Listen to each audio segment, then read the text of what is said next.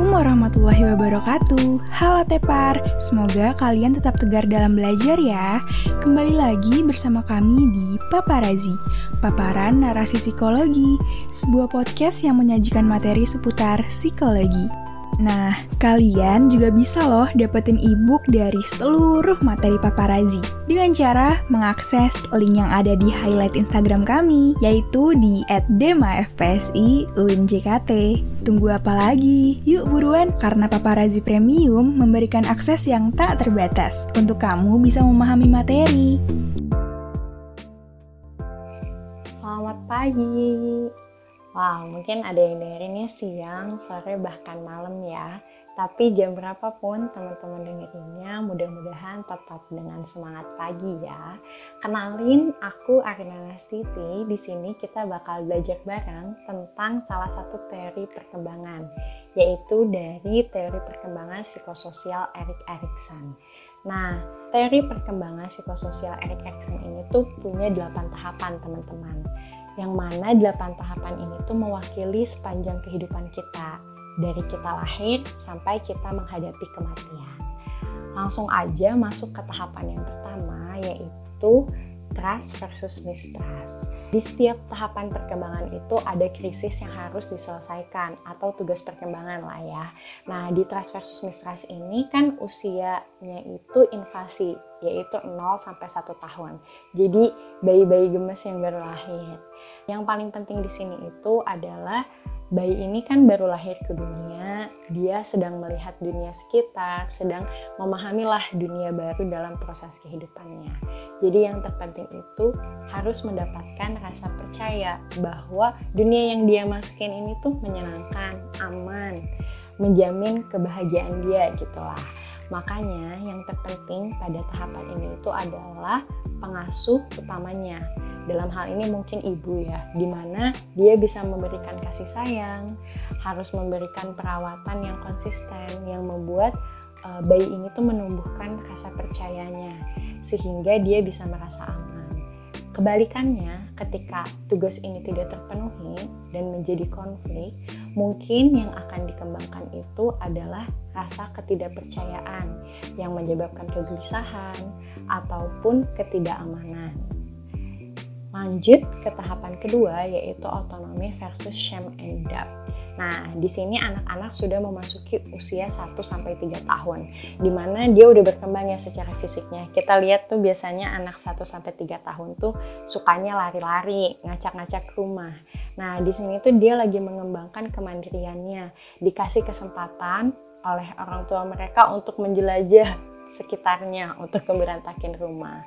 Dia mulai bisa melakukan segala sesuatu tanpa tergantung banget nih sama orang tuanya. Ibaratnya kayak kalau dulu nih haus cumannya bisa nangis doang di tempat. Tapi di tahapan ini ketika dia haus, dia udah bisa minta minum, udah bisa mungkin malah ngambil gelas sendiri gitu ya yang disiapin oleh ibunya terus dia minum. Nah, di sini itu orang tua harus bisa memberikan ruang untuk anak mengembangkan kemandiriannya sehingga dia punya otonomi.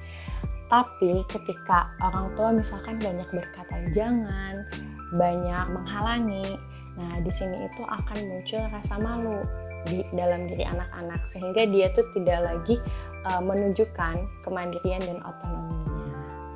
Yang tahapan ketiga selanjutnya yaitu inisiatif versus uh, guilty feeling. Nah, di sini tuh usia 3 sampai 5 tahun.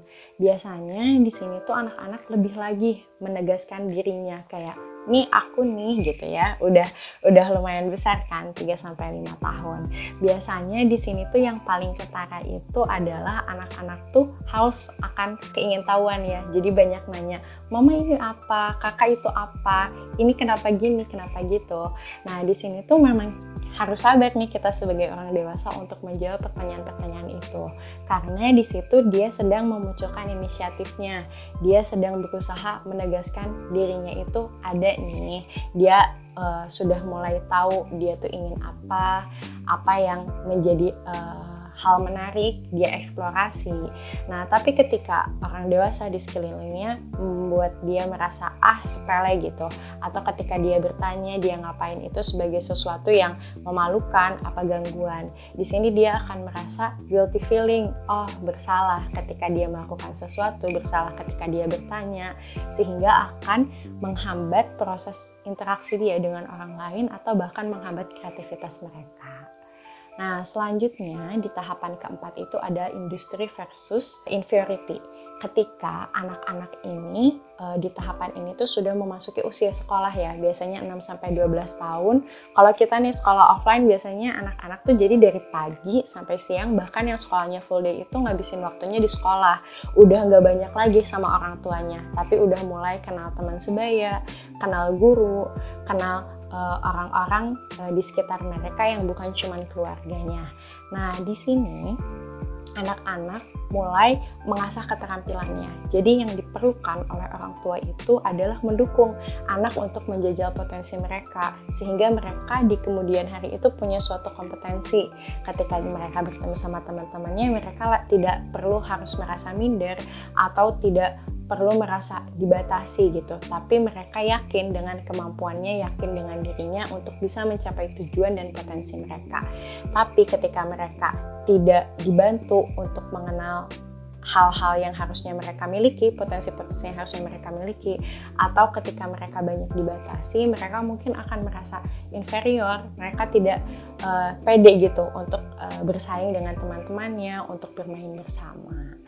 Yang tahapan kelima yaitu identity versus confusion.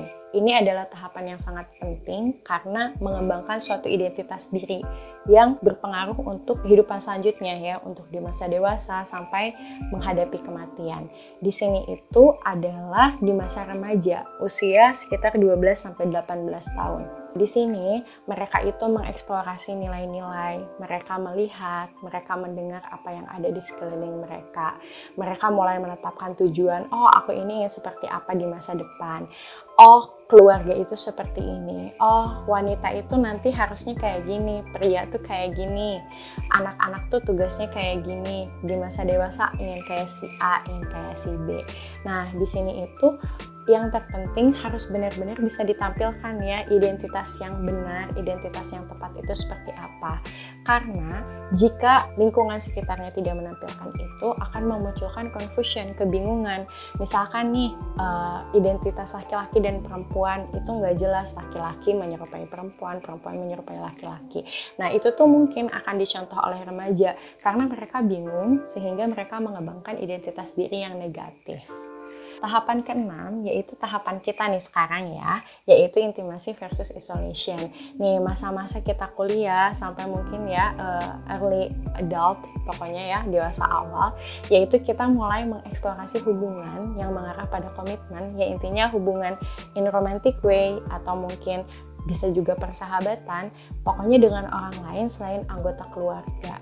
Nah, di tahapan ini tuh kita biasanya kan udah mulai nih ya punya tipe. Ah, tipe aku yang kayak si ini, yang kayak si itu. Aku nggak cocok deh kayaknya sama dia, soalnya dia gini. Di sini tuh kita udah mulai bisa nih menghasilkan hubungan yang bahagia, memunculkan rasa aman, rasa ingin untuk berkomitmen dengan seseorang, merawat hubungan. Nah, kalau misalkan kita justru di sini malah sukanya sendiri, kita mengisolasi, lebih suka sepi, ini justru bahaya karena kita bisa jadi takut sama komitmen dan itu bisa berujung pada kita merasakan depresi karena kita tidak berhasil menyelesaikan tugas perkembangan kita.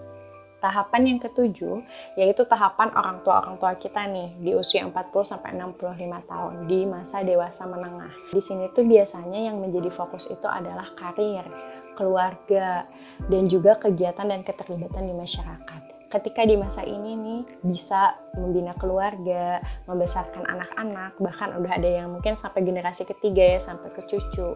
Terus juga produktif di tempat kerja, mendapatkan banyak pencapaian di bidang karir, terus juga terlibat di organisasi masyarakat. Nah, ini akan merasa produktif dan generativity. Tapi ketika di masa ini justru bingung ngapain atau merasa tersisihkan dari lingkungan kerja, lingkungan masyarakat, merasa tidak berhasil membina keluarga. Ini bahaya karena memunculkan rasa stagnansi. Yang terakhir adalah tahapan terakhir yang sangat-sangat uh, uh, insightful ya, sangat-sangat penting dan mudah-mudahan bisa kita rasakan ya sampai ke tahap itu yaitu integrity versus despair. Nah, di tahapan ini itu tahapan di atas usia 65 tahun. Kakek nenek kita ya mungkin. Di sini itu sudah memperlambat produktivitas, sudah tidak lagi banyak mengeksplorasi hal baru, tapi lebih banyaknya itu kilas balik mengembangkan integritas dengan melihat, merenungkan apa yang telah terjadi, prestasi-prestasi, keputusan-keputusan yang telah diambil, apa yang terjadi pada diri ini, pada orang-orang yang terkasih. Nah, ketika ini semua berhasil, ketika kita siap menutup kehidupan penuh dengan kayak rasa berterima kasih pada diri, pada orang-orang terkasih ini tuh akan uh, ditutup dengan rasa kebijaksanaan ya, mengambil kebijaksanaan dari dalam hidup sehingga siap untuk meninggalkan dunia ini menghadapi kematian tanpa rasa takut dan tanpa penyesalan. Hal yang sangat-sangat tidak kita ingin rasakan adalah menutup tahapan ini tuh dengan keputusasaan, penuh penyesalan dengan apa yang telah terjadi, banyak menyalahkan diri sendiri, menyalahkan banyak pihak dan uh, kecewalah dengan uh, kehidupan yang telah dilalui. Nah, mudah-mudahan kita berhasil ya uh, menyelesaikan kehidupan ini dengan mengambil nilai kebijaksanaan dari setiap fase kehidupan yang terjadi. Itu aja yang kita bahas di tahapan teori perkembangan psikososial Erik Erikson. Mudah-mudahan pembelajaran ini bisa menjadi pembelajaran yang membantu teman-teman memahami dengan cara yang lebih menyenangkan.